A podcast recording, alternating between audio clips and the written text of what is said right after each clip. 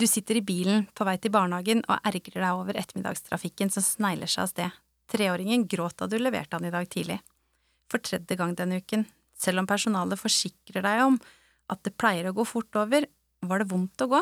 De gangene han gråter, blir du alltid i tvil om han egentlig trives. Kanskje det er noe du burde gjøre annerledes? Du håper han ikke har savnet deg altfor mye i dag. Endelig fremme, løp, småløper du mot avdelingen og tenker nå, lille venn, nå kommer omsider mammaen din. Inne får du knapp blikkontakt.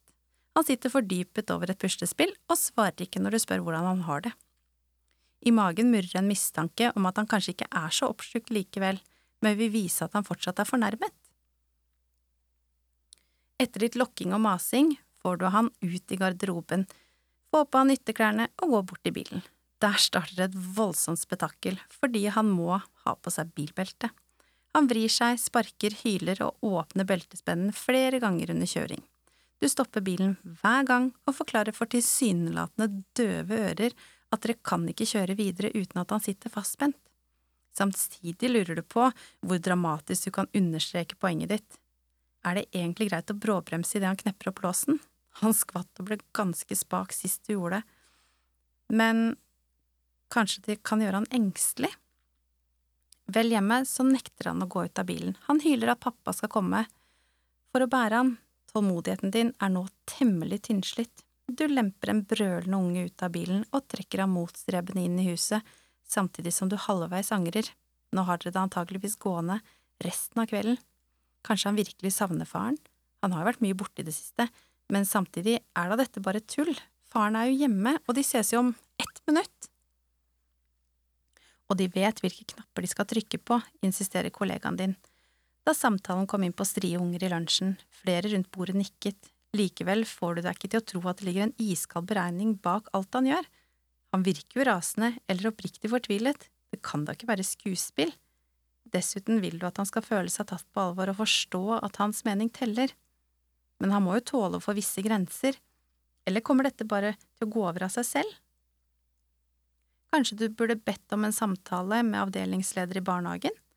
Kanskje ringe moren din eller noen venner med barn? Det er fortvilende for at du får antageligvis forskjellige svar etter hvem du spør. Å være forelder i vår del av verden burde egentlig være en smal sak.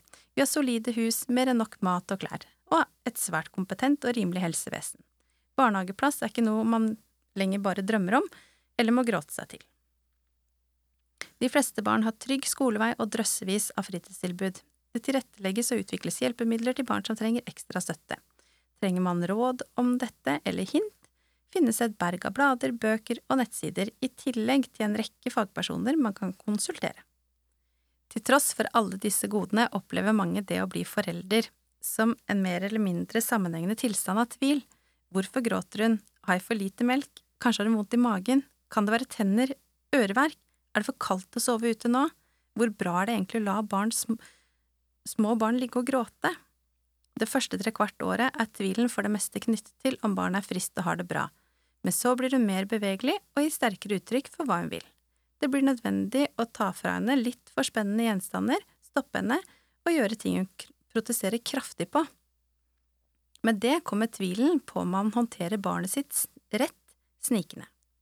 For en utenforstående les barnløs, kan mye av denne tvilen virke merkelig. Greit å være i tvil om hvorfor en baby gråter, men å ikke vite hva man skal gjøre med en femåring som nekter å ta på seg regntøy, er det mulig at en voksen mann kan føle seg hjelpeløs overfor en treåring som hyler fordi han ikke får smokk? Det kan da ikke være noe heksekunst å tvinge på yttertøyet eller bare ta vekk smokken. Og nå er det ikke sånn at de fleste foreldre tviler, da, på om de rent fysisk er i stand til å kle på barnet sitt eller trekke ut en smokk de er i tvil på hva de gjør med barnet hvis de gjennomfører ting med makt. Det går enda an å være forelder når ting går greit, når ungene samarbeider og virker fornøyde. Da kan man tillate seg å tro at man er på rett vei, og at avkommet utvikler seg bra på alle måter. Vanskeligere blir det når ungene og du har motstridende meninger, og du skal begynne å forlange, kreve, nekte og ta ifra. Hvordan vet du da om det du gjør er på rett måte? Har han fortsatt en lykkelig barndom, der han ligger hylende på kjøkkengulvet fordi han ikke fikk helle i jusen selv.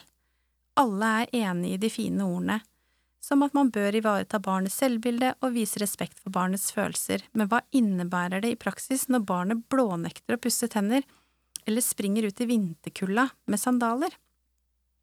Denne boken gir deg tips om hvordan du kan takle hverdagens mange store og små konfrontasjoner på en måte som gir deg følelsen av kontroll tilbake, samtidig som du ivaretar barnets følelser, styrker barnets selvbilde og lærer barnet medfølelse, og øker hans eller hennes sosiale evner. Du vil finne tips om hvordan du kan unngå konflikter, og hvordan de oppstår, hjelp til å forstå hva barnet ditt tenker og hvordan hun reagerer, og hvorfor hun reagerer som hun gjør. Ikke minst vil du finne mange forslag til hvordan du kan dempe sinne og løse fastlåste situasjoner. Boka handler stort sett om praktisk oppdragelse eller grensesetting. Likevel er ikke hovedformålet at dere foreldre skal få fred, eller at dagene skal gli mest mulig friksjonsfritt Hovedmålet er at du skal finne måter å takle barnet ditt på som gjør at han eller hun fortsetter å like seg selv, og samtidig blir likt av andre.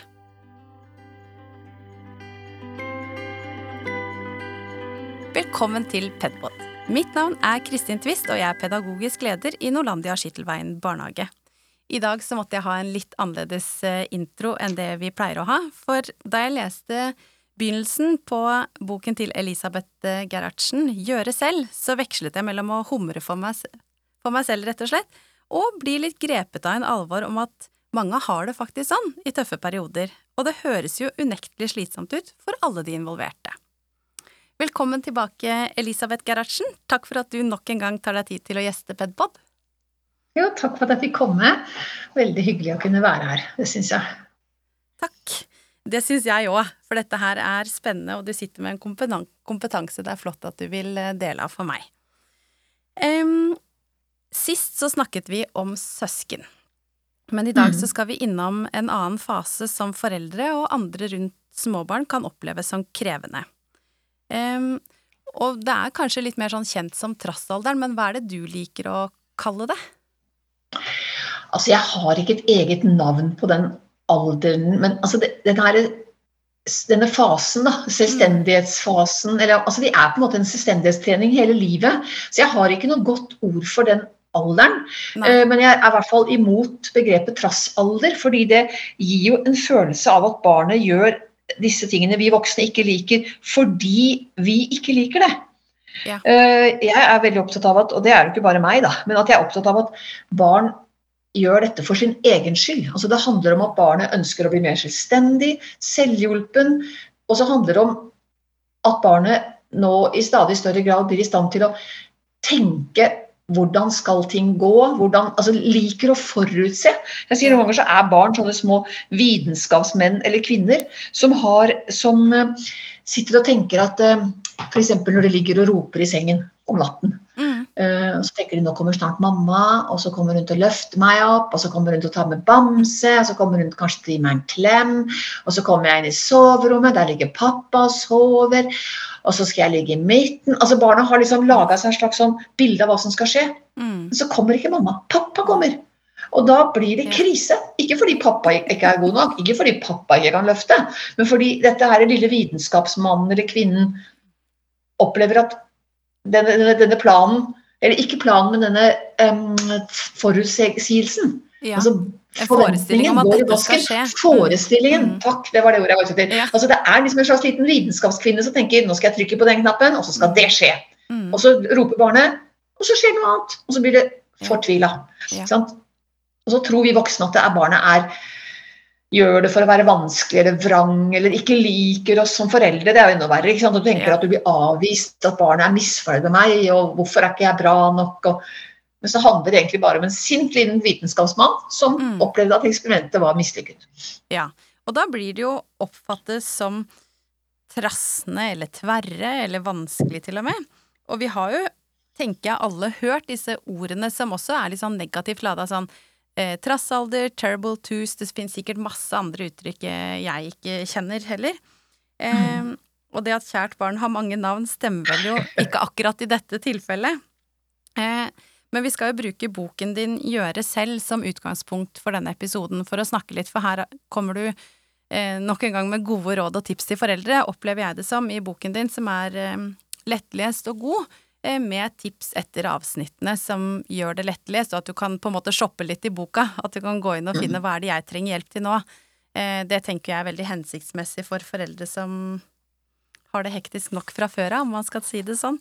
Eh, men vil du si litt om boken din Gjøre selv, som handler om disse små vitenskapsmennene og vitenskapskvinnene som finner sin vei i verden?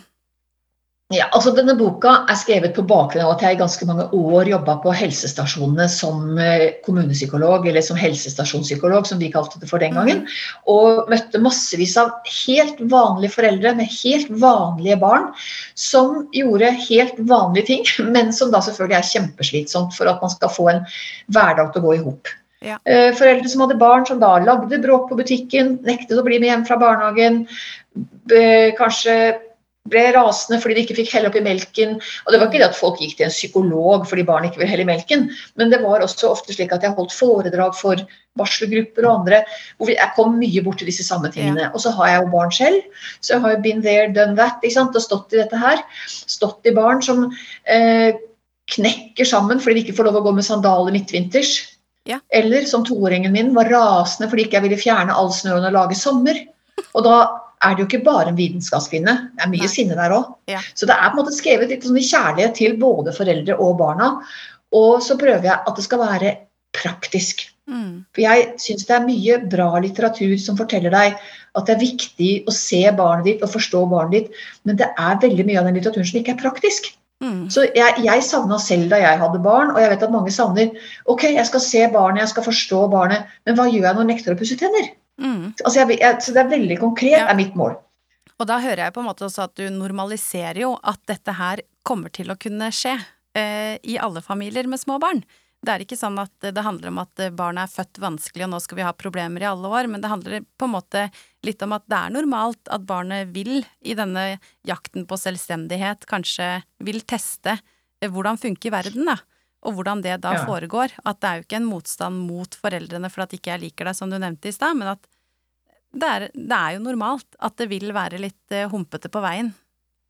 Ja, det er helt normalt. Og det, mm. men, og det, at det er normalt, betyr ikke at ikke det ikke er fint å få noen råd. ikke sant? Nei. Eh, det er normalt å få influensa, men du går til legen likevel. ikke sant? Altså, og, og mm. um, ja, For det tenker jeg jo Ja, for det tenker jeg jo også at det er eh, er viktig at, at, man ikke føler at det er så stort at jeg ikke kan spørre noen om hjelp. Tenker mm. jeg, ikke sant? At det er, det er, sikkert bare vi som har det sånn, at det høres ut som jeg dreper barna når jeg skal bade det på kvelden for at jeg gjorde et eller annet feil med det badevannet som var riktig i går. Eh, ja, ja. Når du møter ja, på de der, så er det godt å høre at andre har vært i samme situasjon som deg, og det går an å løse det, tenker jeg da. Ja, for det jeg prøver å gi, er jo sånne tips og råd om hvordan løse vansker som de aller fleste kommer borti. Og jeg syns mm. også det blir på en måte litt feil for noen foreldre opplever dette sinnet som et nederlag. Altså Det er kjempedeilig, de som har barn som er veldig rolige. Og barn er jo også i stor grad født forskjellige, og vi foreldre er forskjellige. Og hverdagene våre er forskjellige. Noen har barn som ganske raskt eh, får båndtenning når ting ikke er som det skal være i barnets øyne. Andre har barn som er veldig tolerante og som på en måte i veldig liten grad bråker. Og noen ganger er det foreldrenes delvis fortjeneste, men noen ganger er dette også genetikk. Men jeg pleier å si at hvis du skal ha en, et barn som hvis, du, hvis målet ditt er et barn som aldri protesterer, aldri noen konflikter, ja da må du legge til narkose, som jeg sier. Ja. Altså, det er på en måte ikke, det er ikke mulig, Nei. og det skal ikke være mulig. Og så er jo ikke det et mål heller. Nei, nemlig. Nei. Det er så viktig for barns utvikling. Ikke at det blir bråk, men at det får utvikle seg i den forstand du får liksom prøvd ut hvordan reagerer jeg på andre, hvordan reagerer andre på meg? Hva er egentlig lov? Hva er egentlig greit? Hvordan kan jeg løse en konflikt? Hvordan pleier det å bli løst? Hvilke behov har jeg, og hvilke behov bryr de voksne seg om? Mm. Eh, det er ikke sikkert de bryr oss om alle behovene. Kanskje er du mer opptatt av behovet for kjærlighet enn for å få lov å bygge legotårn når det egentlig er leggetid. Helt mm. naturlig. Og hvilke behov har andre, og er de viktigere enn mine? Like viktig, mindre viktig? Alt dette her lærer jo barn gjennom alle disse små hverdagskonfliktene. Mm. For denne viljestyrken som vi opplever da at barna har, den er litt kjekk å ha for dem, da? Ja, ja, det er jo veldig trist hvis ikke barn har noen vilje. Mm. Altså, det er veldig få barn som er veldig sånn, ikke har noe vilje. tenker jeg, Da har man gjort noe galt, hvis du har et barn som ikke har noen vilje. Men, men denne viljestyrken, det at barnet jobber for å få det som du vil og, og står på litt, da, for å si det Mm. sånn, i seg selv er jo en positiv ting. Det er bare at den er veldig slitsom å ha hjemme. Og så tenker jeg jo Jeg har erfaring fra sånn eh, to til treårsavdeling med sånn 17-18 to til treåringer. Mm. Den, den er altså ganske sånn eh, Der merker du min, min, min. Eh, og at jeg står opp for meg sjøl, og det er meg som er viktig. Og der tenker jeg at det er et sånn godt bilde på denne fasen også, at eh, jeg ser først og fremst meg selv. Eh, og viljen min er sterk, da. Ja, ja. Men det er veldig Ja. synlig når du har litt sånn lik alder på hele gruppa. Mm. Ja, det vil jeg tro, og da Ja. ser vi også veldig forskjellen innad i barnegruppa. Da. Mm. Eh, men sånn som jeg leste i boken din, så eh, den viljestyrken er eh, viktig. Eh, Mhm. Og så er det jo det at sånn som når barna vil ha tak i alle ting som ikke er lov, sånn som kaffekopper Mm. eller telefoner, hvorfor er det sånn? At de liksom Og prøver det å er de aller yngste, ikke sant. Ettåringer, kanskje toåringer. Altså Barns store prosjekt når de blir født inn i denne verden her, er å beherske verden, fordi Mm. det må de for å leve over. Eh, Det var en som sammenlignet det å bli født med altså, eller det å komme til verden som å bli plutselig bare dumpa i en eller annen fremmed verden, altså ørken, og så skal Mm. du kommer du til en helt fremmed folkegruppe, og så skal du prøve å klare deg der. Jo, da må du herme etter de. Da må du se hva de gjør, og så må du gjøre sånn som de gjør. Så det å herme etter oss voksne, og ikke minst bruke våre ting, det ligger nedfelt i barnet, fordi det er å, beherske sin verden, og det å bli som oss. Altså, det er egentlig veldig sånn koselig. Barnets store mål er å bli som deg. Ja. Det målet går litt over når du får tenåringer, kan jeg love dere, de som hører på som bare har småbarn. Men ikke en lang periode. Fra det er født og de første årene, så har barnet én målsetting, å bli som deg. Og for å bli som deg, så må du ha din kaffekopp, dine bilnøkler, din mobiltelefon, dine sko. Ja. Sant? Så samme hva du gir de av leker, så vil de bli enda mye mer glad for å få bilnøklene dine. Mm.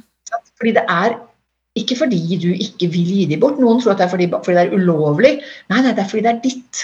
Du Mm. bruker det. Jeg vil bli som deg, pappa. Da må jeg ha dine billøkker. Så det er det er målsettingen bak all den her voldsomme trangen til å ta tingene våre. Ja. Og det er litt sånn morsomt å få en forklaring. Ja, og så er det jo litt godt å få en forklaring på hvorfor det er sånn òg, for den kan jo også være litt frustrerende at denne telefonen får du ikke lov til å ta, og så prøver man Mm. igjen og igjen og igjen og igjen. Eh, Mm. Men da kommer det jo av en grunn, eh, og alt som har en forklaring er jo kanskje litt lettere å stå i òg, syns jeg i hvert fall selv, da. Mye lettere å stå i det. og Hvis du da klarer å tolke det som et uttrykk for at barnet vil bli som deg, framfor at barnet har lyst til å, ikke lyst til å ødelegge, det er jo den verste Ja. tolkningen, Ja. eller at barnet ikke klarer å høre etter. Nei, det gjør ikke en ettåring. Nei. De skal lære, men den tar uendelig lang tid. Mm. På samme måte som det tar lang tid å lære å gå på ski fra første gang du får dem på beina. Ja. Uh, Så er det ikke slik at barn Det å adlyde de voksne, den, den trangen er de ikke medfødt. Ikke noe særlig grad, i hvert fall. Det er mer å herme etter enn å adlyde. Ja. Eh, For at den viljestyrken skal jo være med da på å bidra til at barna klarer i større og større grad, ikke når de da er ett, men sånn i et perspektiv når de blir større, trangen da til at det kommer fra en trang til å klare seg mer selv. Um. Og ønske om kontroll. Det kan jo, tenke jeg, alle voksne kjenne godt igjen, i hvert fall. At vi har jo et visst behov for kontroll. At jeg vet at jeg skal gå på jobb i morgen når jeg legger meg på kvelden, er jo en god ting å vite. Eh, hvis jeg hadde våknet opp hver morgen, og så lå det en ny melding på telefonen i dag, så skal du jobbe som truckfører. Da hadde jo jeg fått litt sånn Nei, det passer faktisk ikke meg. Eh, at man, hvis man tenker litt sånn Hva er det behov for? Eh, og at jeg skjønner jo også at barna har behov for en kontroll som vi voksne holder, og så er det ikke alltid vi kanskje meddeler. Tenker jeg at det kan jo være lurt, da. Eh, og det å planlegge og forutse, som du sier at hvis jeg roper på natta og tror at mamma skal komme og pappa kommer, så blir jo det en konflikt i forventning og hva som faktisk skjer, da. Mm. Ja. Og når det siste der er sagt, så betyr det ikke det at pappaen skal snu. Absolutt ikke. Nei. Det mener jeg ikke. Men man skal forstå at ikke det er en avvisning. Men selv når det kommer til Ja. behov for kontroll, har jo vi voksne ikke bare vi har behov for å holde kontroll, fordi hvis ikke så blir det kaos, men vi har jo også mye mer kontroll over livene Mm. våre. Og barn har ikke nødvendigvis så mye behov for å får lov å bestemme alt, men de har, de har veldig behov for å forstå hva som skal skje. Mm. Og det er det som gjør at de ligger og, måte, og står og går og planlegger ting. ikke sant? Altså, det, prøver å tenke ut. Så Derfor så er et av rådene mine, og det er jo mange flere enn meg som bruker det, men altså dette med å gi forvarsler. Ja. Fortelle barnet slik at barnet forstår hva det skal, hva det skal inn i. Nå skal du, Istedenfor å si liksom Nå skal vi bade, Joakim. Så sier du nå kan du spise litt til, så skal vi gå og bade. Mm. Dere gjør det jo helt sikkert også mye i barnehagen. Ja. Ikke bare si fra. Noen foreldre tror at det er å si 'kom og bad'. Nei. så vil ikke barnet ok, så venter vi litt til. Det er mer en forhandlingsposisjon. Ja. Men det at du på en måte gir dem en slags timeplan, Mm. forklarer de hva som skal skje. Nå skal vi, Etterpå nå skal vi gå og kle på oss, og så skal vi gå i barnehagen. Det, er en, det er et forvarsel. Mm. Det gjør det litt lettere å bli med ned fra det bordet og bort til den garderoben, eh, enn hvis du bare sier 'kom her, nå skal vi kle på oss'. Og det er litt sånn det er jo en ting vi snakker eh, mye med foreldre om også på foreldresamtaler, det å forberede hvis det er vanskelig å få barna til å gjøre ting, eller gjøre det du tenker at er greit. Eh, Mm. Og si selv at hvis jeg hadde sittet og sett på TV på kvelden, og så kommer min samboer og skrur av TV-en og sier 'nå skal du gå og legge deg', Ja, det er på det mest sant? spennende. Jeg hadde jo ikke likt det selv. Og det å Ja. se det at når barnet da sitter for dypt i denne leken, som er det viktigste jeg gjør i livet mitt, er faktisk her å sitte og leke, og så kommer noen Mm. bare og sier at 'nå skal du gå og spise', så skjønner jeg at det blir en konflikt, for at jeg er jo i leken min. Så det å få Mm. den tiden til å forberede seg, og litt sånn å få lov til å områ og være litt innstilt på at jeg vet at denne leken varer litt til, og da må man jo tenke på hvilke ord man bruker i forhold til aldersgrupper, for at hva er litt og hva er snart, ikke sant, at man har noe fast kanskje, kan jo være lurt, og at man er litt god på å holde den tiden, særlig som forelder, da. At hvis du bruker minutter, så vær litt tro til det. For hvis det da Ja. blir kjempelangt, hvis det er 20 minutter en gang du sier 5 minutter, og så er det 4 minutter en annen gang, så blir det også en sånn forhandling igjen, som vi var innom i stad, da. Men det å være forberedt, da, er det jo mye lettere å gjøre det du får beskjed om. Ja, ja, for det eksempelet du kom med at samboeren din bare går og slår av TV-en. Om du så ikke var i det mest spennende, så kjenner du på en provokasjon Ja. over at noen bare 'Der skal du legge deg!' Og kanskje Ja. hadde du egentlig hatt lyst til å legge deg også, men det er det derre Mm. utenfor at noen bare, noen bare på en måte river deg ut av den situasjonen du er i uten at du ante at det skulle skje, Ja. som er provoserende. Og Det er også noe av grunnen til at barn bråker når vi kommer for å hente dem i barnehagen f.eks. Ja. Veldig sjelden det er fordi barnet ikke trives hjemme Mm. og, og gruer seg til å gå hjem. Det handler om det derre Der kom du, ja! Ja. Altså, det er litt den samme følelsen som du ville fått hvis samboeren din gikk bare og slo av Mm. TV-en. Nei, men, og det, det kan man jo kjenne på når man tar eksempelet til voksne, ikke sant, for at man tenker at nei, men barn skal bare høre. Men de har jo også sin egen plan i hodet, og det er den, hvis man har litt respekt for den, så vil det være lettere å få dem med på det du selv ønsker òg. Ja. Så jeg tenker at det er en enkel måte å jobbe på. Ja, og så er det både at du viser barnet respekt, men du får det så mye bedre selv som forelder. Mm. Du fortsetter å ha kontroll, og det er fortsatt du som er lederen. Jeg pleier ofte å tenke at vi er ledere i familiene Ja. våre. Vi er ikke diktatorer, og det er lenge siden vi skulle være sånn autoritære som barn skal adlyde uten å mukke. Men Mm. vi er ledere. Du skal lede denne lille familien din, storfamilien din. Kanskje har du en samleder, koleder, men du, du Mm. er en leder. Og det å være en god leder, så må de medarbeiderne dine vite hva de skal gjøre, og hva du forventer av dem. Ja, Absolutt, for det tenker jeg jo at du beskriver foreldreskap som lederskap. Og det er jo viktig når disse barna får sånn eh, De plutselig blir sånne små individer med imponerende stamina på hva de selv vil. Eh, og da er det jo greit å være litt forberedt på hva kan jeg gjøre i møte med dette barnet som jeg opplever at ikke vil høre. Mm. Eh, og da har du skrevet det at man må være beredt. Eh, vil du ta noen sånne eksempler der? Hva som er lurt? Ja, altså Det ene er sånne helt praktiske ting. Altså At du selv skal ha, liksom tenke litt framover. La oss si at det pleier å være mye Det kan være vanskelig f.eks. å komme seg hjem fra barnehagen gjennom kanskje handleturen og så hjem for å lage middag. Så dette med at du tenker etter eh, Kanskje barnet ditt pleier å være veldig sulten på den tiden. Skal du Ja. ha med noe litt grann mat? Eller kanskje tvert om, at det knekker middagen. Men altså at du har litt planer. Eh, når du har du, har du, og kanskje tenke ut på forhånd selv også noen sånne små temaer. Jeg pleier å bruke veldig mye avledning. Ja. Ikke, ikke nødvendigvis for å lokke bort fra et problem, men for Nei. å unngå at problem oppstår. Mm. Så når du f.eks. da Noen skal kanskje kjøre et stykke eller gå et stykke med barnet, og det å da være litt sånn på sånn eh, utforsking, jeg kaller det guiding. altså at Du Ja. går f.eks. fra barnehagen og det stykket du skal gå, og ser deg litt rundt og sier Jeg lurer på om vi ser noen hunder i dag? Tror du det er noen hunder her? Mm. Jeg lurer på, Og så kanskje barnet ikke tenner helt på den hundeideen. Ja, så kan du gå og småprate litt for deg selv. Jeg lurer på hvorfor noen vil ha små hunder, noen vil ha store hunder. Ja. Altså, det, skal, det skal litt til for at ikke du da har vekt oppmerksomheten til en treåring, femåring, til og med en sjuåring. Ja. Og så kommer det et lite foredrag fra sjuåringen din eller femåringen din om at ja, men Joakim han har en kjempestor hund. Og så kan dere prate litt om det. Og så glemmer barnet litt at tiden går. At beina går den veien du formodentlig vil. Ja. ja. Og det er jo enkelt, samtidig som det kan kreve mye av foreldre i forhold til hva de tenker, at det hadde vært så deilig å bare gå litt i stillhet. Nå kommer jeg fra jobb, og du fra barnehagen. Kunne bare hatt et, et, rolig øyeblikk. Men så blir jo kanskje bedre i sum enn at man da skal ende opp med å krangle om fem minutter fordi at man ikke får det til. Altså krangle, så at det blir liksom ja. uenigheter, så er det jo hyggeligere å ha den positive inngangen til turen at i dag så teller vi skal, Hvilket dyr skal, syns du vi skal telle i dag? Skal vi ta fugler, mm. hunder eller katter? Og så føler barna at det er med på å bestemme at i dag så skal vi telle katter, og jeg lurer på om vi ser noen. Og så kan ja, man gå tilbake til historier fra tidligere, hvis man går den samme ruta hver dag og ser en svart katt, da. Så tenker jeg jo at det er jo hyggeligere det enn at man skal gå og forhandle hele veien hjem om å bli båret, eller at vi skal være uvenner. Ja, fordi Det er ikke at jeg mener at foreldre skal gå rundt og skravle sammenhengende.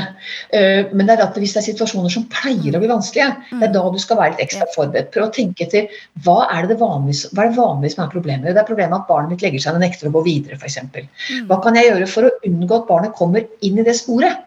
Kan jeg prate det bort, slik at det glemmer seg bort? liksom? Ja. Kan, jeg, kan, jeg, gjøre det litt spennende å skulle hjem, f.eks.? Det er ikke sikkert du mm. orker å skravle så mye om hunder på veien, men kanskje kan du minne barnet på å, Husker du det nye spillet du fikk av onkel? onkel? Eh, det som du ikke hadde lyst til å gå ifra i dag, det som du gjerne ville leke mer med, eller bilen din, mm. eller hva det nå måtte være barnet har. Eller kanskje sånn Du, i dag tenkte jeg at vi skulle bade etter at vi har spist middag. Mm. Har du lyst til det, eller? Altså, noe med sånn gjøre at målet, nemlig hjem, blir attraktivt. Mm. At ikke det bare handler om å måtte gå den lange veien, men at det handler om yeah. at, in it for me, at også ja. barnet opplever det hyggelig. da. Yeah. Uh, også plutselig at det skaper den der småskravlinga der, skaper en god stemning. Og gjør deg interessant. Når du snakker om store hunder, små hunder, så vil veldig mange fireåringer synes at å, det er interessant å snakke med deg. Mm. Ja, og det er noe som er veldig viktig å ha med seg som forelder. ikke sant? At barnet syns faktisk at det å lytte til deg er meningsfylt. Ja, du har det kan du ha veldig mye glede av. ja. kan ha veldig mye glede av det. Ja. Eh, og så beskriver du det å ha utstyr i orden, altså tilrettelegging. Og det tenker jeg er sånn enkle grep om man legger fram tøyet på kvelden, eller at ja. den bagen du skal ha med til barnehagen faktisk er ferdig pakket før du har hastverk på morgenen. Kan være mm. kjedelig å gjøre det før du skal legge deg selv og er sliten på kvelden, men det er mye lettere å gjøre det uten et barn som henger liksom etter og det der du beskriver i forhold til hastverk, da, hva det gjør med barn, det er jo ikke en sånn eh, fribillett akkurat til å få det til å gå bra.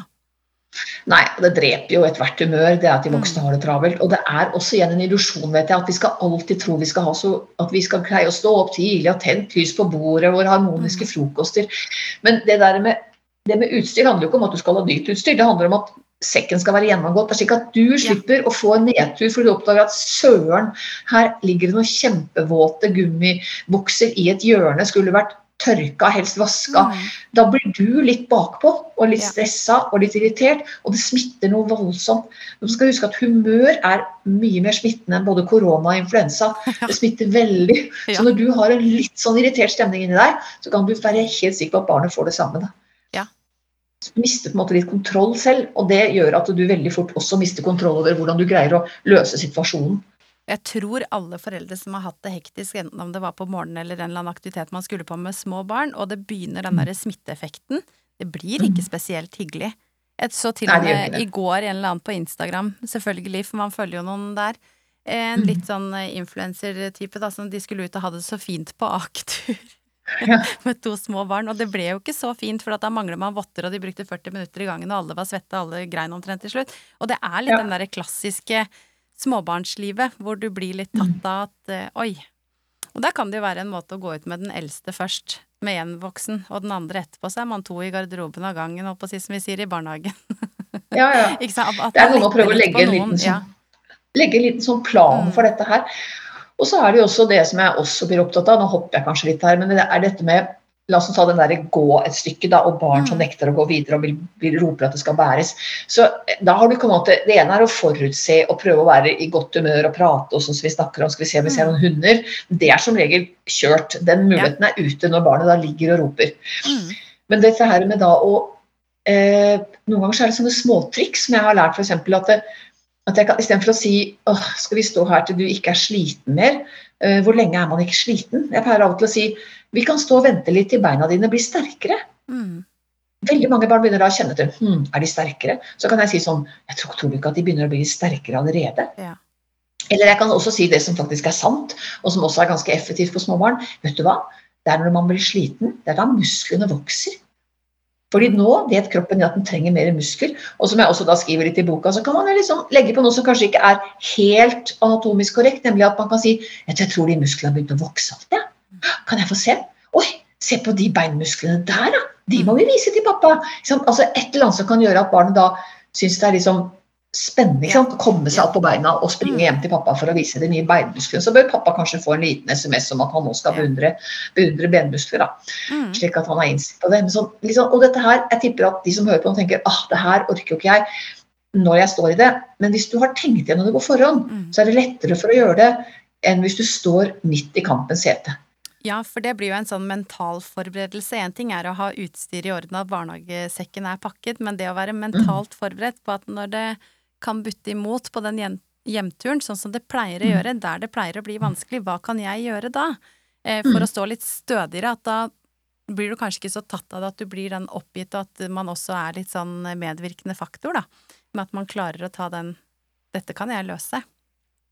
Ja, fordi når du hører på denne podkasten, så står du mest sannsynlig ikke med en rasende fireåring som ligger på bakken.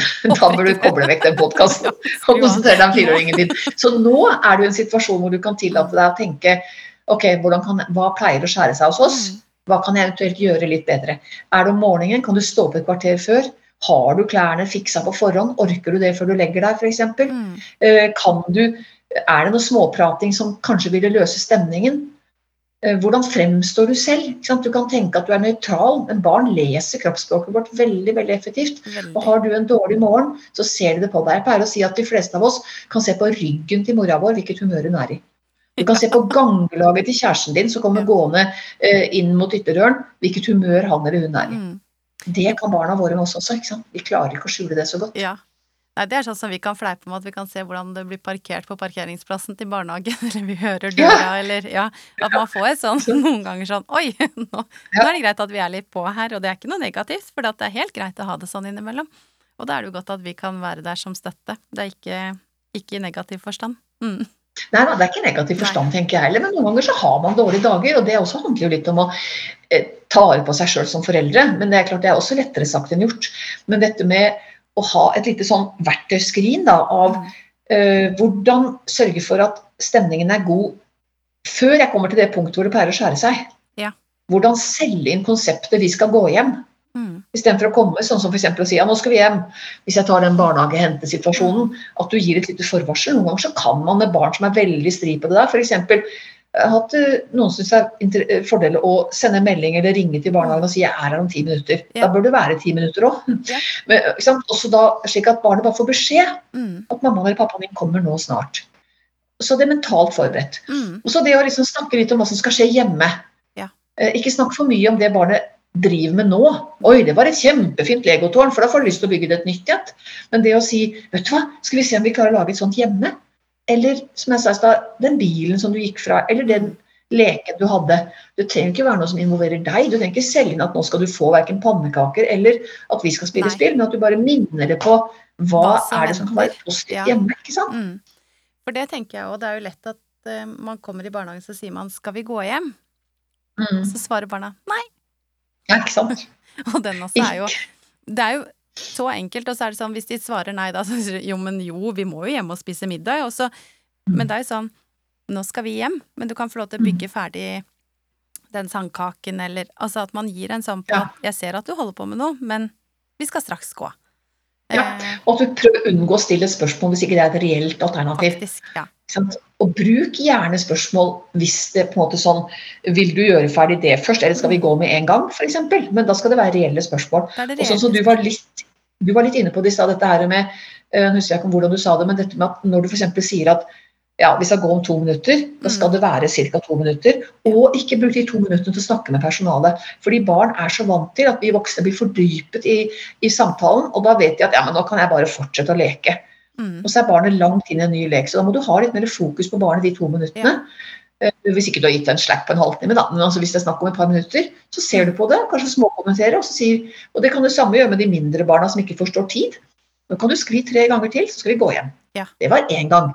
Mm. Det var to ganger, og det var den tredje. Og det er ikke slik at da kommer alle barn frivillig. Det gjør de ikke.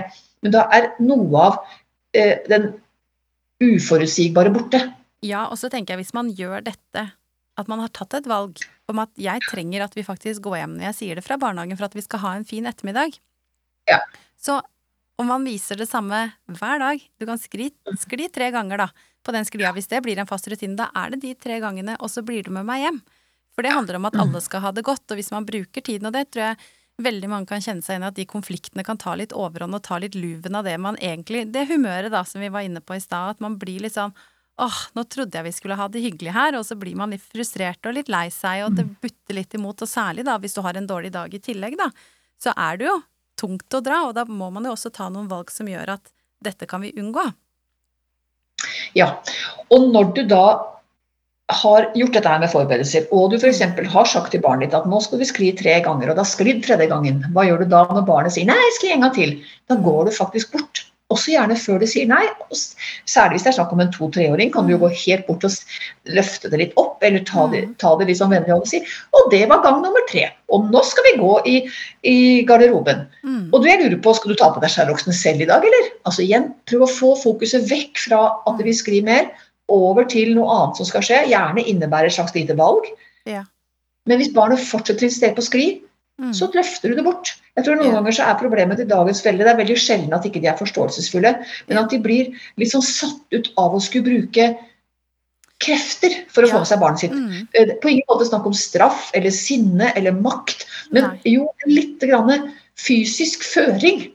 Ja. På samme måte som sånn at du løfter dette barnet bort, da, som prøver for fjerde gang å skli. Istedenfor at du sier ok, da så får du skli mer. For da blir det en slags sånn Ok, du vinner fordi du ikke hører etter. Ja, og så blir det et forhandlingskort hvis det skjer i alle situasjoner for barnet. Så vil du jo alltid Mm. ha en sjanse til å kunne gjøre noe mer enn det som egentlig var avtalen. Og det er jo noe med at det skal være litt troverdighet bak de ordene vi sier som foreldre, og tenker jo jeg, da. Ja, det er viktig. Og det er det som egentlig man kaller å være konsekvent. Det at. Når du har sagt at du skal skli tre ganger, så mener du tre ganger. Mm. Og så er det ikke slik at altså vi, de flere, Noen klarer å være konsekvent veldig ofte, noen er ganske dårlige på det. Mm. og kjenner at de blir veldig fort satt ut av barn som protesterer. Det du i hvert fall må tenke på hvis du har lyst til å gi etter, er at du må ikke gi etter på en oppførsel som du ikke har lyst til å se mer av. Så hvis barnet ditt hyler, sparker, roper, slår Hvis du da gir etter, da får du mer av det. Det er egentlig veldig, Ja. veldig enkelt. Ja. Men hvis barnet ditt legger hodet på skakken og sier Å, bare skriv én gang til, da! Og så kanskje gjerne til og med dra på et smil, så kan du si OK, da. For da viser du at litt sjarm, eh, høflige spørsmål, eller iallfall et spørsmål, Mm. det kan jeg la meg bevege av. Men den der sparkinga med dumming, dumming, du er dumming, den kommer du ingen vei med, vennen min. Fordi Ja. hvis, du, hvis barnet kommer en vei med å sparke på deg, da får du mer sparking. Det er ikke fordi du har et slemt barn. Barn gjør det som virker. Mm. Hvis du får lønnsøkning av å gå og si til sjefen din du er en dritt, jeg hater deg, og så sier sjefen ok, du får høyere lønn, hva bruker hva du neste gang? Ja. Jo, og her tenker jeg vi er ved et sånn veldig viktig kjerne, syns jeg, da. Eh, Mm. At man som foreldre også må tåle å stå i det når det blir vanskelig, og det gjør jo alle foreldre, men det også når andre er tilskuere, da, hvis man skal si det sånn. Sånn som i barnehagen eller eh, andre foreldre at jo, men jeg sa at det var tre ganger på den sklia, og det vil jeg at du Mm. hører på. Mm. Faktisk så var det avtalen vår, og så kan man vise at dette valget har jeg tatt for oss, for at jeg ønsker at du hører. Og den sparkingen og slåingen mot meg, det fungerer faktisk ikke.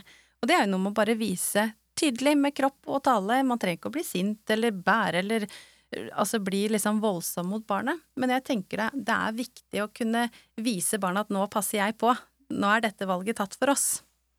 Ja, og da, når du da f.eks. løfter dette barnet bort, som vi absolutt vil skrive mer, og du har sagt tre ganger, så trenger du ikke, i hvert fall ikke hvis vi snakker med en tre-fireåring, ha en lang utlegning om men nå hadde vi en avtale og sånne ting. Du hadde egentlig ikke en avtale. Du sa tre ganger. Ikke sant? Eh, barnet hadde, har ikke sagt ja, tre er bra. ikke sant? Men også ikke, ikke heng deg så mye opp i den samtalen rundt disse tre gangene. Bare si Mm. nei, nå er vi ferdig med å skli. Jeg skjønner at det er gøy, eller jeg skjønner at du er sinna nå.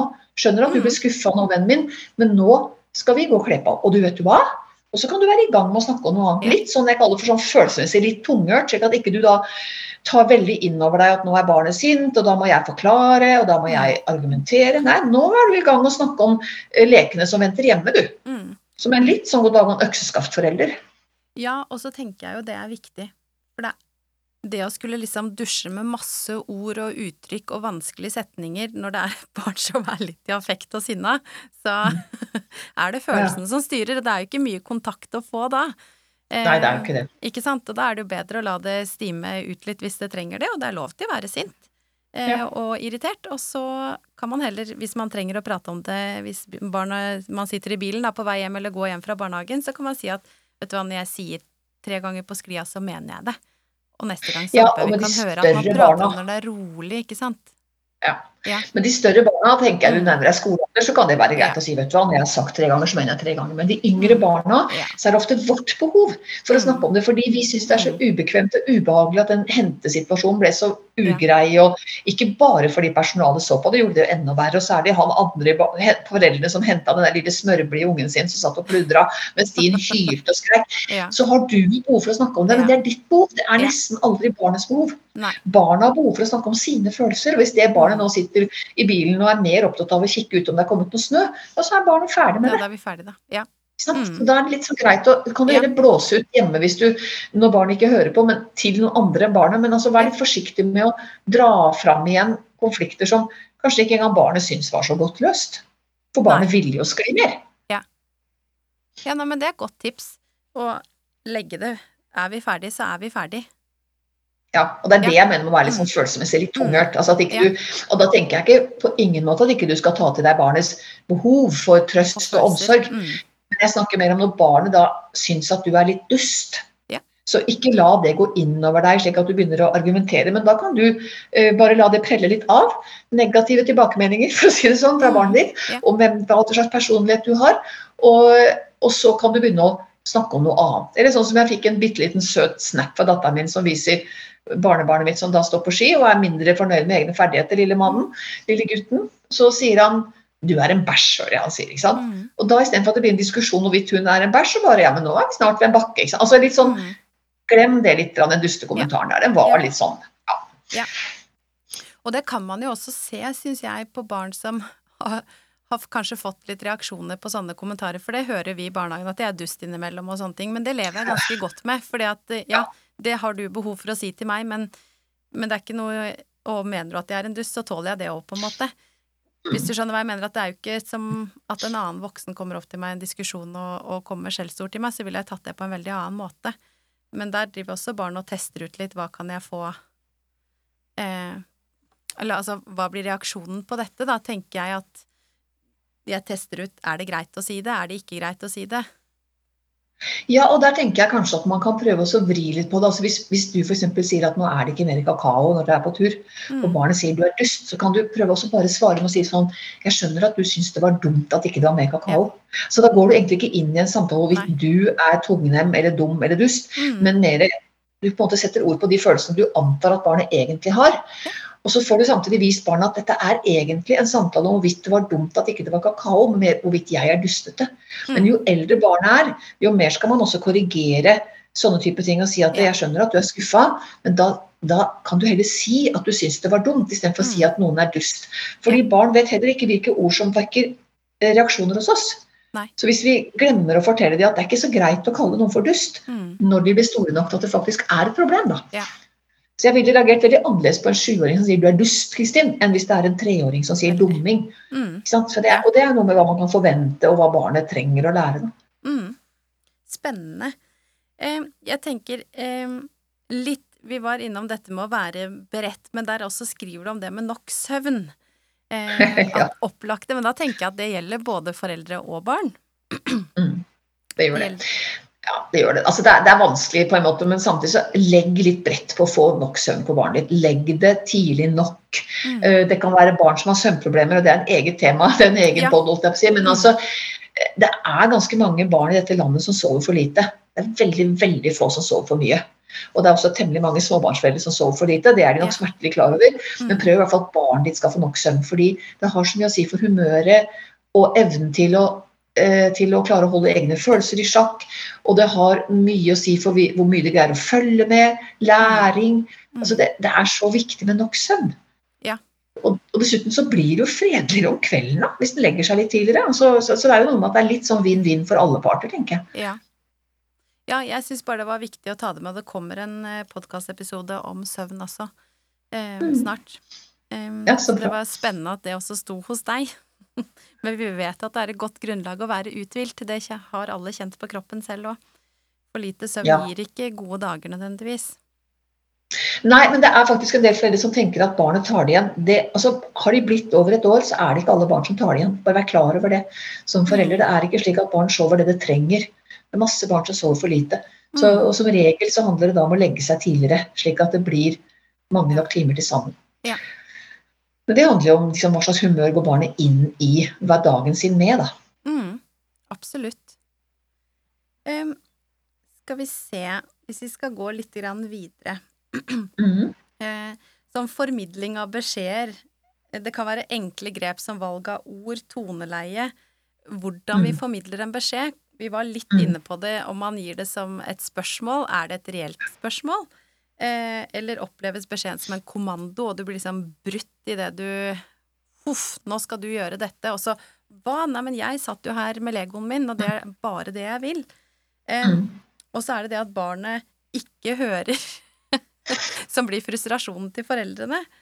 Ikke Mm. sant? At man tenker at sånn, men han hører jo aldri når jeg sier at han skal komme fra lekene til middag. Mm. Har du noen tips der? Ja, altså det, det første rådet er jo at du sier hva du vil at barnet skal gjøre, ikke bare i hvert fall hva det ikke skal gjøre. Ja. Så at du gir beskjed om f.eks. at um, kom her framfor slutt med det der, f.eks. At du sier kan du snakke med lavere stemme istedenfor å si ikke rop. Ja. Eh, Legg fra deg den framfor ikke rør den. Altså, det er noe med å gi barn beskjed om hva du vil, Mm. ikke hva du ikke vil. Ja. Og så er det jo også noe med dette å følge med selv. Altså Når du roper til barnet at, eller si til barnet 'nå er det middag', eller ja, helst da si at om en liten stund er det middag, eller hva du sier, altså Forvarsel, som jeg var inne på i stad, og sier 'nå er det middag', og barnet ikke kommer, roper du en gang til, og hvis ikke det da kommer, så går du og sier fra. Så her, Ja. må du komme, for da er det mat. Mm. Slik at du måtte legge Legg merke til når du sender ut beskjeder altså, Legg merke til om du har en mottaker. Mm. Til du har en mottaker du sender ut på nytt, så gå og sjekk ut hvorfor er problemet her. Altså, Mm. at Det er så lett å gi en beskjed, og så blir du distrahert av noe annet. Og så tenker du at har ropt to ganger og ikke kommet. Altså, du, ikke, du slutter å følge med. Det er ofte noe av problemet. Da. Ja, nei, for det, og det, dette gjelder jo litt sånn kollektiv beskjed i en barnegruppe i barnehagen òg. Vi har jo Mm. noen det er lurt, som vi vet det er lurt å gå og kanskje holde på når vi gir Ja. beskjeden. Ikke sant? Så Ja. nå, nå, Det er noe med å ofte kontakt, jeg, ikke sant. For at vi har noen Ja. som tar disse beskjedene, om de så er langt unna, midt inne i leken, så er det noen som skjønner det. Mm. Som får med seg på mystisk vis, syns jeg, da, at når vi sier at nå er det snart lunsj, vi kan begynne å rydde, så er det noen Mm. som catcher den kjempegodt, og så er det andre som trenger å bli tatt på, har litt sånn modningsfase, holdt på å si, beskjed At det må Det tar litt tid før det går ordentlig inn, da. Em, Ja. Så det tenker jeg jo, istedenfor å rope de to gangene, kanskje gå bort første gangen du skal si fra. Ja, hvis du, hvis altså For noen ganger så Uh, er det vanskelig. Altså Mm. Noen ganger skjønner jeg folk har flere barn, det er så mye som skjer, du roper i trappa 'nå er det mat', og så er det ikke sant. Men hvis du har et barn som ofte ikke får med seg det du sier, så det å gå bort og så Mm. kanskje sette deg på huk og si eh, 'Hei, Ella, nå er det mat'. Nå må du komme. Ikke sant? Altså Slik at du liksom får gitt At du vet at mottakeren har fått med seg beskjeden din. Det kan være, gjøre det mye lettere for barnet å faktisk få det med seg og gjennomføre det du vil. Ja. Så kan det også være en annen formulering. Det går ikke på det med å få kontakt, men det, men det å ta på, som du nevnte, er også veldig bra. Men det at hvis du da barnet fortsetter å ikke gjøre det du vil, for å si det sånn, og si 'nå har jeg behov for at du kommer', eller 'nå har jeg behov for at vi faktisk får kledd på her'. Altså, slik at du ikke du snakker om em, så mye om hva barnet gjør og ikke gjør og vil og ikke vil, men hva du vil og hva du Ja. trenger. Mm, faktisk at det er en hjelp når du hører på meg nå, så ja, at Ja. du sender ut Mm. reelle signaler. Ja, du vet hva du vil. Og også den biten som jeg nevnte i stad, dette med å følge med på hva som skjer. At ikke du blir litt distrahert. Men jeg vet at mange foreldre tenker åh, enda en ting jeg ikke burde bli. Altså jeg prøver, å tenke at altså, Hverdagen er veldig annerledes enn Ja. det å sitte liksom her på Vi to sitter og prater på en pod, liksom. Det er så Ja. enklere. Men, men når det er Jeg tenker altså når vi snakker om dette med at hvordan man burde formulere seg og alt dette her. Det, en av disse tommelfingerreglene jeg alltid har vært mest opptatt av, Mm. det er at uansett hvor sint du blir, ikke beskriv barnet, men beskriv handlingen Ja. når du er sint. Mm. Altså ikke si 'du er' når du er sint. Mm. Eh, Det er Det der er er griseri. Eller det der er bare tull. Altså Helst skulle vi vært mer pedagogisk og sagt «Eh, jeg skjønner at du har lyst til å tegne vennen min, men kanskje ikke med middagen. Ikke? Altså, Hvis man Ja. føler at man burde vært det. Jeg er ikke sikker på om man burde det engang. Men altså istedenfor å si 'du er en gris', eller 'åh, du er bare tull med deg'. altså Dette her som personbeskrivelser, Ja. de er for det første går det på selvfølelsen løs, og det er jeg veldig opptatt av at det er faktisk ikke så bra for barnet. Men det er heller ikke bra for samarbeidet. Nei. Hvis du sier til kjæresten din eller samboeren din at vet du hva, jeg er så lei av at ikke du tømmer oppvaskmaskina. Og han sier du er en naskjerring, Kristin. Kjenner du at da får du veldig behov for å altså, Nå kjenner du jo bare rase, ikke sant? Så at det går ut at ikke han sier det, men altså, hvis, altså, det er noe med, hvis du får en personbeskrivelse istedenfor et sånt åh, det er så mye mas her. Ja vel, så syns du det er usaklig, men det der du er, det Mm. provoserer de fleste av oss voldsomt. Ja, og så tenker jeg jo at hvis det er barn som gjentatte ganger får høre at du er en gris da ved matbordet, siden du nevnte det, eh, det er jo noe med hva det gjør for videre. Det går veldig fort i selvfølelsen. Ja. Så det det, Der skal jeg være litt sånn, si, streng og ikke så tolerant og si at jeg skjønner at folk ikke orker og har så mye planlegging. og Nesten samme hva annet du ikke får til. Ja. Hold unna du er hvis du er sint. For jeg har Mm. sett det med de mest eplekjekke, tøffe i trynet tenåringene. Én ordentlig hard slengreplikk. Du er en skikkelig egoistisk unge, veit du det? Var det en Mm. som fikk høre av læreren sin. Og det beit seg sånn fast. Og den der tøffe Egentlig så sa han denne var, Han sa du er jævlig egoistisk, veit du det? sier han til henne. Mm. Og det tok det måneder før den der tøff i trynet tenåringen klarte å legge bort. Og hun Ja. var 14. Ja. Og da tenker jeg, hva gjør det da med en fireåring? Seksåring? Så vær så, ikke vær så sint du bare vil, men om du har et sinne en dag og kjenner at dette å, orker jeg ikke mer, nå kommer det ord ut av munnen min jeg skulle ønske ikke kom, ikke si du er. Mm. Nei. Si det er. Hvis Ja. du klarer det, så kan du klappe deg selv på skulderen og tenke der. For da Ja. går det ikke på selvfølelsen. Om du får litt behov for å rope 'det er kaos her under middagen' for å Ja, ja. få roa ned, så tenker jeg ja ja, kaos var det nu vel, så det kan vi tåle, og det kan vi snakke om Ja etterpå også. For det er noe helt annet enn at eh, hvert enkelt barn får høre hva de gjør galt, og hva de er. Ja, og, det, og, og, og du sier til femåringen din vet du hva, det der tror jeg ikke noe på. Det der er bare tull. Jeg tror ikke noe på det du sa nå. Det er bare løgn. Så Mm. kanskje det høres litt strengt ut for en som sitter nå med hvilepuls og bare en ettåring i fanget, men det er sånn man kan finne på å si til, femåringer som man vet står og lyver deg opp i ansiktet. Ja. Og skulle du ønske at du sa det på en hyggeligere måte. Vet du hva, det er ikke så veldig farlig at det glipper ut av deg at det der er bare løgn og tull. Nei. Så lenge du ikke sier 'du er en løgnas'. Ja. Altså, vi, ofte så stiller vi så høye krav til oss selv som foreldre og tenker at vi skulle sagt sånn Ja, det var vel litt fantasifull, var det ikke det, vennen min? Liksom. Ja, fint hvis du klarer å si det. Klarer du ikke, så er det ikke så farlig. Bare ikke si du er. Ja, nei, men det er veldig, veldig konkret og veldig godt eh, tips. Og da er det jo fint å gå videre til at eh, du har en overskrift som heter 'Oppmerksomhet, anerkjennelse og ros er dine viktigste verktøy' eh, Mm. i boka. Og hva Mm. legger du i det? Da har vi jo vært litt innom det nå, da. Men eh, Ja, for oppmerksomhet er jo dette med som f.eks. jeg snakker om vi går tur, og du Mm. snakker om hunder og katter og biler. Altså Oppmerksomhet er ikke bare at, at du ser på barnet, men at du har en samtale gående med barnet hvor du bruker din oppmerksomhet til å lage en god samtale. Anerkjennelse er ros. Den kan av og til slå litt feil, men anerkjennelse er også smil, varme blikket, nikket, klappen på skulderen. Dette er anerkjennelse. Det at du, når barnet faktisk gjør som du vil, selv om barnet ikke er så veldig happy med å måtte gjøre som du vil, f.eks. Mm. sett deg ned når vi spiser. Sett deg på rumpa di. Så setter barnet seg på rumpa si. Da skal du komme med et nikk fint. Mm. Eller da skal ikke du fortsette å begynne å snakke om at du må stå. Ikke sant? Sånn at det, ehm, Anerkjennelse, oppmerksomhet og ros, Mm. eh, det var det siste. Altså, ros er også veldig bra, men, men ikke bruk så mye sånn eh, eh, du er flink, du er flink, du er flink. Ja. Jeg vet at noen nå blir livet for å bruke ordet flink. Du må gjerne bruke det om femåringen som klarte å ta på seg strømpebuksa si, men eh, da er han flink. Ja. Men ikke bruk det om absolutt alt. Men prøv å bruke også ros på litt andre måter, som f.eks. å si Du kan f.eks. si det til eh, personalet. Vet du hva? Jeg syns at han er så utrolig rask til å kle på seg, jeg. mm. Jeg nesten visste ikke det gikk an å være så rask som han var i dag. Jeg. Ja. Og da, det er en sånn ros som de virkelig vokser på. Og da skal det være litt sant, da. Hvis barnet ditt var veldig raskt den dagen. Ja. Jo, Så, jeg så tenker man kan sånn ros på flere måter. For um, anerkjennelsen i barnehagen, det kan jo være når man er til stede, ikke sant. Det er mange barn, det er en hektisk hverdag på en avdeling. Du skulle gjerne vært tettere på mange, men så sitter du Mhm. kanskje i en lekesituasjon med noen barn, og så får du øye på noe bra som foregår over rommet. Og når du Mhm. klarer å sende det blikket, når du har god relasjon i bunn, da du kjenner disse barna godt, og du kan sende det der blikket som viser at fy søren, det der, nå var du så god. Du bare redda Ja. hele den situasjonen, for det gjør barna våre støtt og stadig på avdeling. At det er noen som Mm. kommer og sier 'vil du ha leken min', for at de ser at det begynner å bygge seg opp en konflikt mellom noen andre. Det er noen som er gode til å lese rommet, hjelper til, er liksom sånne ja, superkompetente minimennesker. De er ikke mini lenger heller, men bare de er så flotte, og da når du kan sende det blikket fordi at du, du oppdager det, og du får den der Og så kan du nesten få den rødmen tilbake for at de skjønner så godt hva det blikket var. For nå så de Ja. meg. Mm, I et godt øyeblikk.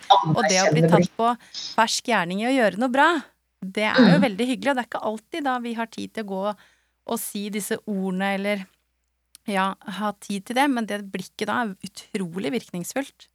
Ja, så hvis du for er hjemme og du har, nå vi om søsken forrige gang, men altså hvis du Mm. da har to barn som det er bråk, ikke sant, også, også, eller, eller tvert om, er, nå er det faktisk litt hyggelig. Mm. Så det at du da, hvis liksom ene datteren din gir en leke til den andre, og du tenker, og så kan du, kan du si 'det var fint, Siri', ikke sant? Eller du kan også bare smile varmt, og, eller, og du kan også snakke til den lille som, eller den som fikk Mm. leken, og si 'oi, du er bra heldig som har så grei søster'. Sant? Da har du gitt den, det der igjen, den indirekte rosen, eller ros til en annen Mm. om dette barnet. Ja. Men all det her at du viser 'jeg ser det nå', 'jeg ser hva du gjorde nå', og det setter jeg pris på.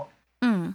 Også når barnet gjør det litt surmulende. Hvis de kommer da fra barnehagen litt surmulende etter å ikke ha fått lov å skrive med en tre ganger, så Mm. sier du fint. Og så kan du gå her i gang med noe annet. Altså den Ja. Her, 'jeg er fornøyd'. Ja, for det, det skriver du at du liksom Det å vise seg fornøyd hver gang barna gjør det du ber om. Ikke sant? Det å, Ja. å få ros for at nå, nå var du skikkelig god til å høre. Det her var gøy. Nå fikk du det Mm. til, og, eller vi fikk det til, kan man jo gjerne bruke da. At man får den samhørigheten, da.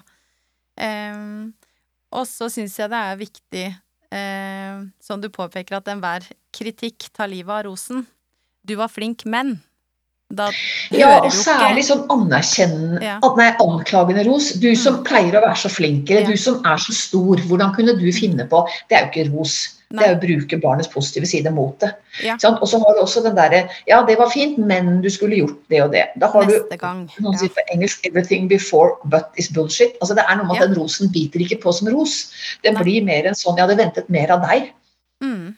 Og det kan du godt mene, og det kan du kanskje si, men ikke, ikke formuler det om som en form for ros, liksom. Nei, og det, det kan man jo kjenne veldig igjen nå, fra arbeidslivet eller et eller annet, da, eller sånn på eksamener, hvis du fikk Det var veldig bra, men du glemte det og det og det. Da husker du det Mm. Ja. du glemte. Du husker jo ikke at du fikk en bra karakter da, for det var jo ikke bra nok, for jeg, det var det mennet. Ja.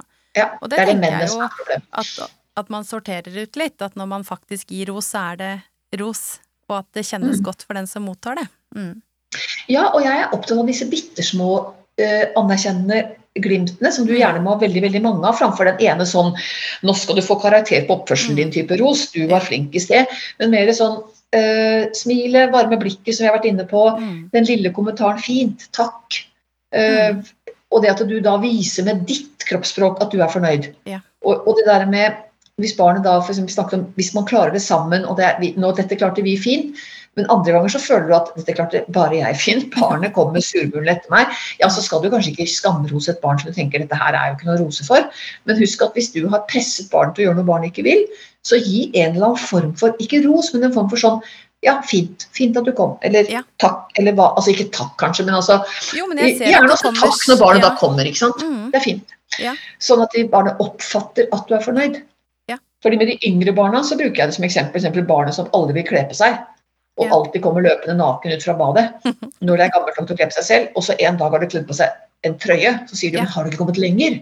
Da tenker ikke barnet jeg burde skynde meg. Det tenker hjelper ikke å ta på seg trøya, han er like sur. Så det å si Ja. fint med trøya, og så var det. Ikke sant? Mm. Det lille sånn, Vis at du ser det lille framskrittet. da. Um, også når vi, vi er jo innom mange ting her, eh, og jeg syns medbestemmelse har vært veldig i vinden, det at barna skal få velge. Og det syns Mm. jeg er viktig, og du beskriver også det å, få et valg kan snu en situasjon. Eh, Ja. Men det kan til tider være litt feilslått, opplever jeg, at barna skal få lov til å velge alt. Og det blir jo Mm. altfor stort, for da, da får vi problemer, da. hvis jeg tror at jeg kan velge absolutt hva jeg vil, og stort sett for eksempel, altså kan ikke barnet velge om det vil i barnehagen eller ikke. Det er, det er noen ting vi bare må, så det at, at valgene, ja, men eh, Og så skriver du det derre om å gi barna altså valg de er kvalifisert til å ta, sånn at kanskje du bare klarer å velge mellom to antrekk, du kan ikke velge hele klesskapet, for det kan jo ta timevis for en toåring å Ja, dra ut, og dette blir kjempespennende å prøve forskjellige ting. Ja. Eh, Så hvordan balansere denne medbestemmelsen sånn at barna opplever at de har et valg, men at foreldrene har kontrollen? Ja. Ja. Du må begrense antall valg, og du må være ganske Mm. Frampå her. Og noen ganger bruker jeg jo valg nesten som noen kalte det manipulering. jeg. Altså, ja, det er litt sånn triks. Istedenfor å si 'nå skal vi kle på så sier barnet nei, så starter jeg med å si 'hvilken bukse vil du ha på deg', den røde eller den blå? Slik at barnet føler at du får et valg. Og så er det noen situasjoner det skal være reelle valg. F.eks. vil du ha eh, ost eller pølse på brødskiva di, men jeg spør ikke vil du ha Nugatti. Hvis ikke det er et Nei. Jeg setter ikke fram et alternativ som ikke er et alternativ. Og jo yngre barn, jo færre alternativer. Eh, Men jeg, også det skjer en trend i tiden hvor man har gått fra at valg var noe jeg måtte tipse foreldre om for 30 Mm. år siden. Har du prøvd det noen gang? Prøv det. Og Ja. så syns de det var magisk, til at vi nå blir litt redd for å ta avgjørelser på vegne av Mm. barna våre. Og Ja. tenker at de skal ha full Fordi medbestemmelse er ikke det samme som at barnet skal ha all råderett ikke sant? og skal Nei. bestemme alt selv. Og det er det ikke modne til. Nei, De er ikke modne til det, de blir bare forvirra av det. Ja. Og man skal være klar at barn kan ikke se konsekvenser av egne valg. Derfor, på samme måte som du forhåpentligvis ikke lar den gå ute med sandaler i januar, Mm. i hvert fall ikke, i- ikke Norge, Nei. så vil så du heller, fordi barn ikke kan ta konsekvensen av det valget når det er tre år, Mm. så tar du, tar du noen avgjørelser for barnet. F.eks.: Nå har vi det travelt, nå må vi forte oss. Mm. Da forter vi oss, enten barnet vil eller ikke, fordi det er viktig for familien, for deg, for barnet selv kanskje også, Mm. at vi rekker det vi skal rekke. Ja. At ikke det, for så blir det ofte veldig sånn voldsomt for barn å skulle få alle disse valgene hele tiden. Ja, for det syns jeg også at det har blitt veldig sånn at de skal få valget, ja, men hjelp de med hvilke valg de kan ta. Mm. Ja. Ja. Og bruk valg heller til altså både til reelle valg, men også som en avledning. ikke sant? At du Mm. fokuserer barnet inn på at nå her, nå skal vi ha en valgsituasjon framfor at en tvangssituasjon. Mm. Men ikke gi det Ikke tenk at det er galt at du som forelder bestemmer over barnet ditt. Nei. For du er jo en leder. En leder har ansvar for økonomi og for mange ting. En leder kan jo ikke la det være flat struktur. Helt flat struktur. Alle de ansatte skal bestemme. Skal jeg på jobb? Hvor lenge skal jeg jobbe? Hva skal jeg jobbe med? Mm. Så Nei, det det er jo ikke fritt fram. Nei. Og det er jo det vi må øve på internt i familier òg. Ja, og så handler det også om en ting som vet ikke hva vi rekker å komme inn på, men noe jeg er veldig Ja. opptatt av, det er at barn skal lære å bli fleksible Ja. og godt sosialt fungerende. Og Mm. godt sosialt fungerende er det mange ting som gjør deg, men bl.a. det at du lærer å ta hensyn til andre og se andres ønsker og behov, og trekke de inn i vurderingen av hva du vil og ikke Mm. vil. Det må vi ved at vi påpeker nå ble hun lei seg, se nå ble han glad. Men også dette med at vi skal bli fleksible, og fleksible blir barn bl.a. av å oppleve at kompromisset ble greit. Mm. Så selv om det var pappa som sto der og hentet deg om natten, så levde jeg over. Og det var faktisk like godt og varmt i senga til mamma og pappa, selv om det var pappa som bar meg inn. Mm. Da blir barnet litt mer fleksibelt.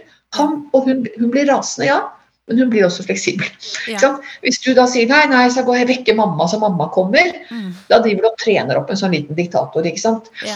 Så det, det er noe med å tenke at disse gangene jeg stopper barnet mitt og sier nei, nå blir det på min måte, eller Mm. vet du hva, det er ikke Nugatti nå, du kan velge med disse to påleggssortene, Mm. så lærer barna at det ble ikke som jeg ville, men det ble i grunnen greit. Og da Ja. vil du ha de fleksible for videre. Ja, ja, for det er Mm. det som gir altså Fleksibilitet er jo mange ting, men det handler bl.a. om det å innse at, det, at det at ikke det blir på min måte, kan bli bra likevel. Mm. For hvis du er i en barnehage og er fem år, og du vil leke en utkledningslek, og de du har lyst til å leke med, vil heller leke med dokker.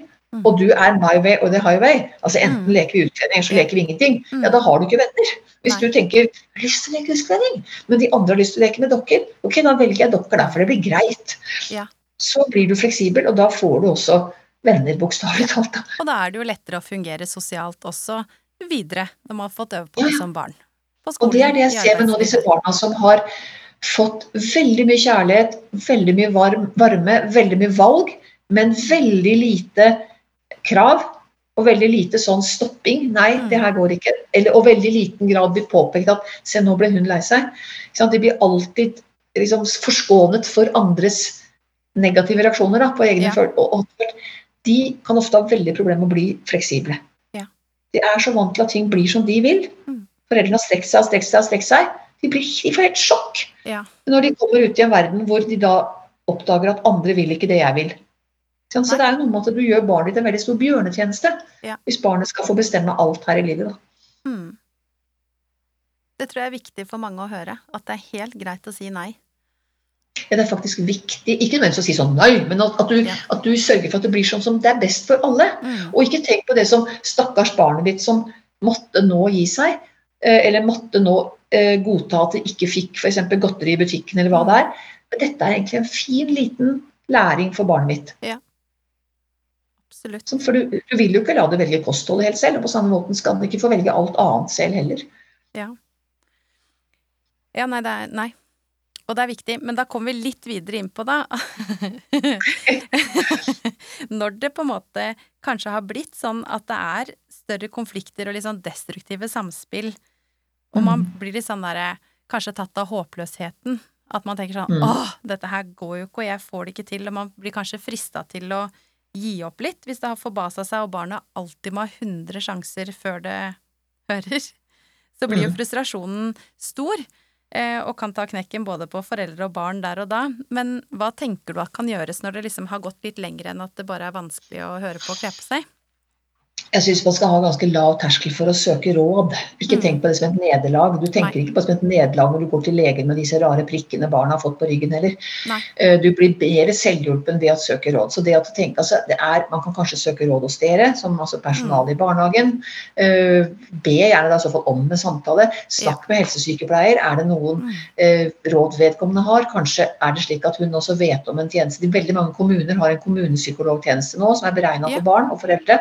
Mm. Hvor det er lavterskel, ofte ikke behov for henvisning. eh, hvor du Ja, da vi kan har få eh, I kommunen her også har vi noe som heter familieteam. Som er Ja, et tverrfaglig team, ikke sant. Ja. ja, så er Ganske mange Mm. kommuner har nå et tilbud hvor man kan få rask og, og hjelp. Ja. Så søk litt hjelp, og ikke tenk at du skal holde ut og se om det blir bedre etter mange nok måneder. For dere går dere fast i, i dårlige samspill, så Mm. er det også mye vanskeligere å komme ut av det. Det blir Ja. litt som et parforhold hvor ting hangler og går, hangler og går. Hvis det er skikkelig store Ja. konflikter hver dag, eh, er det ikke bedre å prøve å få løst det? Ja. Slik at ikke dette blir en vane, for å si Ja. det sånn. Det blir en veldig Eller at dere, at dere ødelegger noe som er, ikke er så lett å få reparert igjen. Jeg syns det er veldig fint at du nevner det, for det, jeg tenker det at eh, vi jobber med det i barnehagen, og det å ha litt sånn lav terskel for å søke hjelp, og snakker om det på foreldremøter og sånne ting, for det handler om at noen har en kompetanse innenfor dette, og er kanskje har spisskompetanse da, innenfor grensesetting eller leggetid eller måltider hvis det er barn som sliter med mat, ikke sant, at da kan man få hjelp fra noen som er gode på det. Eh, Ja, og så trenger ikke nødvendigvis så mye heller, for det syns jeg var så gøy da jeg jobba som kommunepsykolog. Det var jo nett i sånn tilsvarende team som det mm. jeg går ut fra sånn team som du nevner. Ja. Det var jo det at etter en samtale eller to, så var jo de fleste foreldrepar veldig godt hjulpen. mm, Og opplevde at dette her hjalp jo veldig. Dette her fikk de med seg ting de kunne bruke og nytte av. Og? De fikk det litt sånn, du fikk det da litt sånn em, spissa inn på det du trenger. Mm. Det er tilpassa deg, framfor at du bare leser i en bok. Må gjerne lese bøker, og mine for den saks skyld. Men hvis ikke det holder, så søk hjelp. Og det er jo ofte litt sånn suksesshistorie å søke hjelp når det først har butta litt imot, men ikke gått for langt. Ja, det mye lettere da. da. Her kan vi få hjelp ganske kjapt. Og hvis man bruker det eksempelet med hvis du venter med å gå til legen til alt håp er ute, ja, så er det ikke sikkert legen får gjort så mye. Hvis du går litt tidligere, så kanskje det går veldig greit. Mm. Det er litt det samme logikken man må bruke i forhold til å søke hjelp knytta til barn. Ja. Barnet ditt har også godt av å komme ut av en evig konfliktsituasjon. Ja, og det blir jo ikke noe godt sted å være.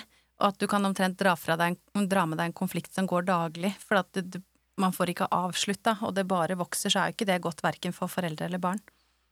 Nei, så hvis det har gått En ting er en dag eller to eller tre, men hvis det begynner å bli snakk om uker og måneder hvor ting er vanskelig, da tenker jeg at da, da ber man om hjelp. Mm. Eh, og så må vi litt innom det derre at eh, han gjør det jo bare for å få oppmerksomhet. Det syns ikke Ja. du stemmer helt, for det, der har du litt, litt å si, håper jeg. Ja, altså Ja. Det ene er at oppmerksomhet er et ord som på en måte blir litt sånn negativt lada. Mm. Eh, hvis man sier at han gjør det for å få kontakt, så lyder det ikke fullt så negativt. Nei. Så hvis f.eks. eh, du har besøk av en venn eller venninne, og dere to voksne vil helst prate i fred, og så har dere det ene barnet som henger rundt og prøver å få kontakt. Det er jo ikke det minste rart. Nei. Sånn at en del ting gjør barn fordi det er barn er også sosiale vesener, sånn som vi voksne er. Men så er det en del oppførsel som ikke vi liker, som kanskje blir gjort for å få vår oppmerksomhet. Mm. Og da vil du ofte kunne se det på barna, at barnet liksom følger med på deg og ser? La oss si at du har irettesatt barnet ditt, nektet et eller annet, og så tar det og ser på deg mens det sparker hardt i veggen eller tegner på veggen med et sånt blikk mot deg, ja, da er det for å få oppmerksomhet. Mm. Eller for å vise, vise en reaksjon. Men hvis barnet ditt går og sniker i godteriskuffen, så er det ikke for å få oppmerksomhet, det er for å få Mm, godteri. Så det, å tenke, så det du må prøve å tenke etter, er på en måte hva er det barnet hva er det som gjør at barnet velger den oppførselen? Mm. Godteri smaker godt. Det er belønningen for å, for å raide godteriskuffen. Mm. Det er ikke for å få oppmerksomhet. Mens det der med å f.eks. Um, få det at barnet da henger rundt deg og venninnen din, eller Mm. kameraten din, det er for å få kontakt. Det er ikke en negativ atferd. Sånn, så liksom prøv å liksom tenke Mm. etter hva er det barnet på en måte egentlig ønsker å oppnå der. Så er det litt lettere å skille mellom disse måtene man skal bruke de begrepene også. Ja, og sånn som du begynte med å si, eh, hun som våknet på natten og ville bli båret inn av mamma eller pappa, eller helst mamma, da. Men eh, et barn våkner ikke på natten for å få oppmerksomhet. Nei? Nei. barn våkner på natten. uh, altså Alle barn våkner flere ganger hver natt, og så har de forskjellige ideer om hva som skal skje. Mm. Men denne her, det er ikke oppmerksomhet eller kontakt med mamma barna er ute etter. I den situasjonen er barn ute etter at uh, ting skal bli slik som jeg trodde det skulle bli. Mm. Og da er det bare en slags konservativ liten vitenskapskvinne som vil ha ting Ja. på sin måte, men ikke for å plage noen. Så det er en annen Nei. bit av dette her. Mm. Så, så vær så forsiktig med å bruke det ordet oppmerksomhet som en sånn negativ ting ved barnet, at det ønsker oppmerksomhet. Ja. At det kan komme av forskjellige årsaker, at det kan være sosial kontakt, og det kan være et behov de har, altså at man er litt på jakt etter hva det faktisk er. Eh, og så skriver du det å være bevisst på hva du overser. Av atferd, tenker jeg det kanskje er. Ja, jeg, det er mange, det, altså folk har jo lært at den oppførselen du bare overser, den blir borte. Det gjør den dersom din oppmerksomhet er målet. Mm. Uh, men det er ikke alltid den er det. Jeg så en gang jeg var i butikken, og så ser jeg en mamma med en gutt eh, Jeg vet ikke hvor gammel han har vært, fem-seks år. Og så går hun og dytter handlevogna si, og så blir han plutselig sint. Den gutten sier han 'Jeg vil dytte handlevognen!' Så setter han albuen i magen til moren, Mm. og så presser han seg fram, og så tar han handlevognen, og så blir hun liksom oppgitt i blikket, og så slipper hun taket. Mm. Det er ikke å overse, det er å premiere Ja. Uh, sinne og egentlig vold, Mm. for å bruke det sterke ord. Ja. Sånn at, men hvis han derimot, hvis, hvis du sier til barnet ditt at det, nå er det ikke mer Nugatti, eller nå er det ikke noe mer jus, og barnet begynner å hyle av sinne, og du da velger å la det hyle av sinne, så er det på en måte å overse. Ja. Da overser du en oppførsel som på en måte du tenker at eh, det, Helst skal du da si 'jeg skjønner at du er lei deg', for at ikke Mm. det var mer Nugatti. Mm. Nå men det, her, nå er det ikke mer. Nå, er det liksom, Mm. nå kan du få brødskiver, vanlig brødskivepålegg isteden. Men hvis barn da fortsetter, så kan du velge å ignorere det.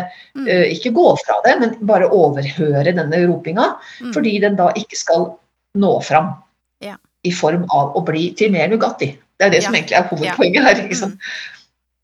Og det er jo litt sånn at da hvis det funker å gråte i fem minutter, da, og så får du Nugatti, Ja. da kan det være Ja, jeg har noen Ja. ganger stilt foreldre spørsmål sånn Hvis jeg spurte barnet ditt Hvis mamma har sagt nei, og du vil gjerne likevel, og mamma fortsetter å si nei, hva kan du gjøre da? Og noen ganger så Mm. ja, Det er ikke så ofte jeg faktisk har stilt barn det spørsmålet, men jeg har opplevd at barn svarer sånne ting som at da er det bare å gråte, da. Ja. Og det er jo sånn fascinerende. Prøv å tenke litt etter som forelder. Hva er det barnet ditt vet funker hvis det Ja. virkelig vil noe annet enn deg? Hvilken Og hvis- strategi? Ja, hvilken overtalelsesteknikk er det du lærer barnet ditt? Ja. Og, hvis, og det, da, derfor var jeg litt inne på det i stad også. Prøv heller å gi etter på sjarm, saklige argumenter, overtalelser, hyggelige overtalelser. Ikke gi etter på slag, spark, og helst ikke heller på ville hyl. For dette gjør du barnet en bjørnetjeneste. Det er ikke Mm. bare at du får mer bråk hjemme, det er synd for deg. Mm. Men du får et barn som da går ut i barnehagen og er vant til at ville hyl og spark er det man gjør når man vil ha mer kakao, vil ha den største eh, spaden, ikke vil ha på seg skjærrock. Mm. Og da blir det vanskelig for dette barnet, som da skal tilpasses en vanlig, en bedre måte å fungere på. Da. Jeg fikk den litt eh, brukt mot meg. eh, Datteren min brukte 'det er lov å ombestemme seg'. Ja. Og da var det sånn Ja, det har jeg faktisk lov til, og det er jo sånne ufarlige tilfeller, da, men da fant hun ut at den funka nok ganske greit, for det tenkte jeg det er jo faktisk lov til å ombestemme seg, og noen ganger så kan man som foreldre være litt kjapp eh, Ja. til å svare nei. For jeg var litt stressa når jeg bar inn de posene, men selvfølgelig, vi kan jo egentlig male om ti minutter. Men at man er litt kjapp til når barna Det hagler inn spørsmål om hva kan vi gjøre, og så føler du at du står midt i noe, så er det lett å svare nei. Eh, for noen, og da Ja. er det lov til å ombestemme seg og si vet du hva, nå svarte jeg litt fort. Eh, Ja. Ikke sant? Istedenfor at man skal tviholde på ethvert nei man sier òg, og så blir man sliten av det der hvor det ikke trengs. Jeg tenker Ja, at ja. ja. ja. Mm, Du, altså, du må gjerne ombestemme deg, men du bør ombestemme deg fort. Ja. Og du bør ikke ombestemme deg som et resultat av at barnet begynte å sparke deg, eller sparke i veggen. mm, Slik at, men hvis barnet da oi, En måte jeg har kommet meg ut av sånne situasjoner på, er eh, hvor jeg skjønner at oi, der svarte jeg altfor fort, men nå Mm. er vi i gang med rop og hyl. Så sier jeg, men kan du ikke du gi meg en grunn, da? Hva, hvorfor? Og da Mm. kom det litt sånn, litt sånn fordi at, Og så kom det da en litt sånn halvsaklig begrunnelse, og så sier jeg, men da er vel noe helt annet, sier jeg. ikke sant? Altså, det er noe med å vise at det, det er ikke fordi du kyler, men fordi du, du kan forklare meg det, ikke sant? Mm, for eksempel. ja. Ja. Det er spennende, og vi møter det hele tiden, dette her også i barnehagen. Hvordan spørsmål blir stilt. Velger du å sutre, eller legger du deg kanskje bare på gulvet for at ikke du vil noe, eller bruker du ord og sier at vet du hva, jeg har ikke lyst til å gå ut, for de som er store nok Ja. til å kunne si det, Ikke sant? Og det, hvordan blir vi møtt på de forskjellige måtene, og at det skal være hensiktsmessig for barna òg. Da tenker jeg at eh, nå forstår jeg deg. Mye lettere enn hvis du legger deg ned, så kan det være alt mulig. ja, nemlig. Eh, men jeg tenker at vi må nok runde av. Tiden eh, går alltid fort når jeg prater med deg, Elisabeth. Eh, men er det noe du tenker at vi har hoppet over? Noe du brenner inne med før vi Altså, dette er jo et veldig stort tema, så jeg, jeg kan ikke komme på noe sånn i veldig farta. Som er, det er klart vi kunne snakket enda mer om dette med eh, hvordan håndtere barn som da faktisk virkelig ikke gjør som du vil. Mm, Eh, jeg tenker at det går kanskje an å heller ta en ny podkast en gang igjen, eller mm. så, For det er et stort tema. Der. Ja. Spisse det litt, ja. Mm. Ja. Eh, men jeg må ha med litt grann da på slutten, eh, før vi runder helt av, og det er det at du skriver at, at barn er ikke født med kunnskap om hvordan de bør oppføre seg. Gi barnet ditt helt konkrete råd i nye situasjoner. Og når det står på den måten svart på hvitt, så er det jo veldig lett å skjønne at barna skal teste ut ting. Det er akkurat som at eh, småbarn må smake på alle leker eller alle ting de finner, for at det er sånn jeg utforsker verden. Eh, og det er jo noe med det at eh, man må finne veien sin, og man må faktisk gå den veien også. Eh, og så tenker Ja. ja. Så handler det ikke nødvendigvis om å teste ut, for det tror jeg mange tolker som at barnet tenker at nå skal jeg sjekke hva du Ja. gjør hvis jeg gjør sånn. Altså som en slags sånn hvor går grensene Ja. mine? For det ble brukt veldig Ja. mye før som en sånn barn trenger å bli stoppa. Mm. Jeg tenker at barn gjør en del eh, feil fordi de ikke vet hva som er forventet av de situasjonen. Nei. Derfor så pleier jeg å si at Ja. gi barnet en sånn liten Det er igjen en sånn forvarsel. F.eks. eksempel hvis ikke du er veldig kirkevant, det er ikke Ja. alle som er, og du skal i barndom, så, går, så er ikke Barnet vet jo ikke hvordan man skal oppføre seg i en kirke. Så det å si at nå skal vi inn i kirka, der går folk for å tenke på Gud, så da må vi snakke med veldig lav stemme og helst være stille. Men etterpå, når de skal ha dåpen av kusina di, da kan du få gå fram.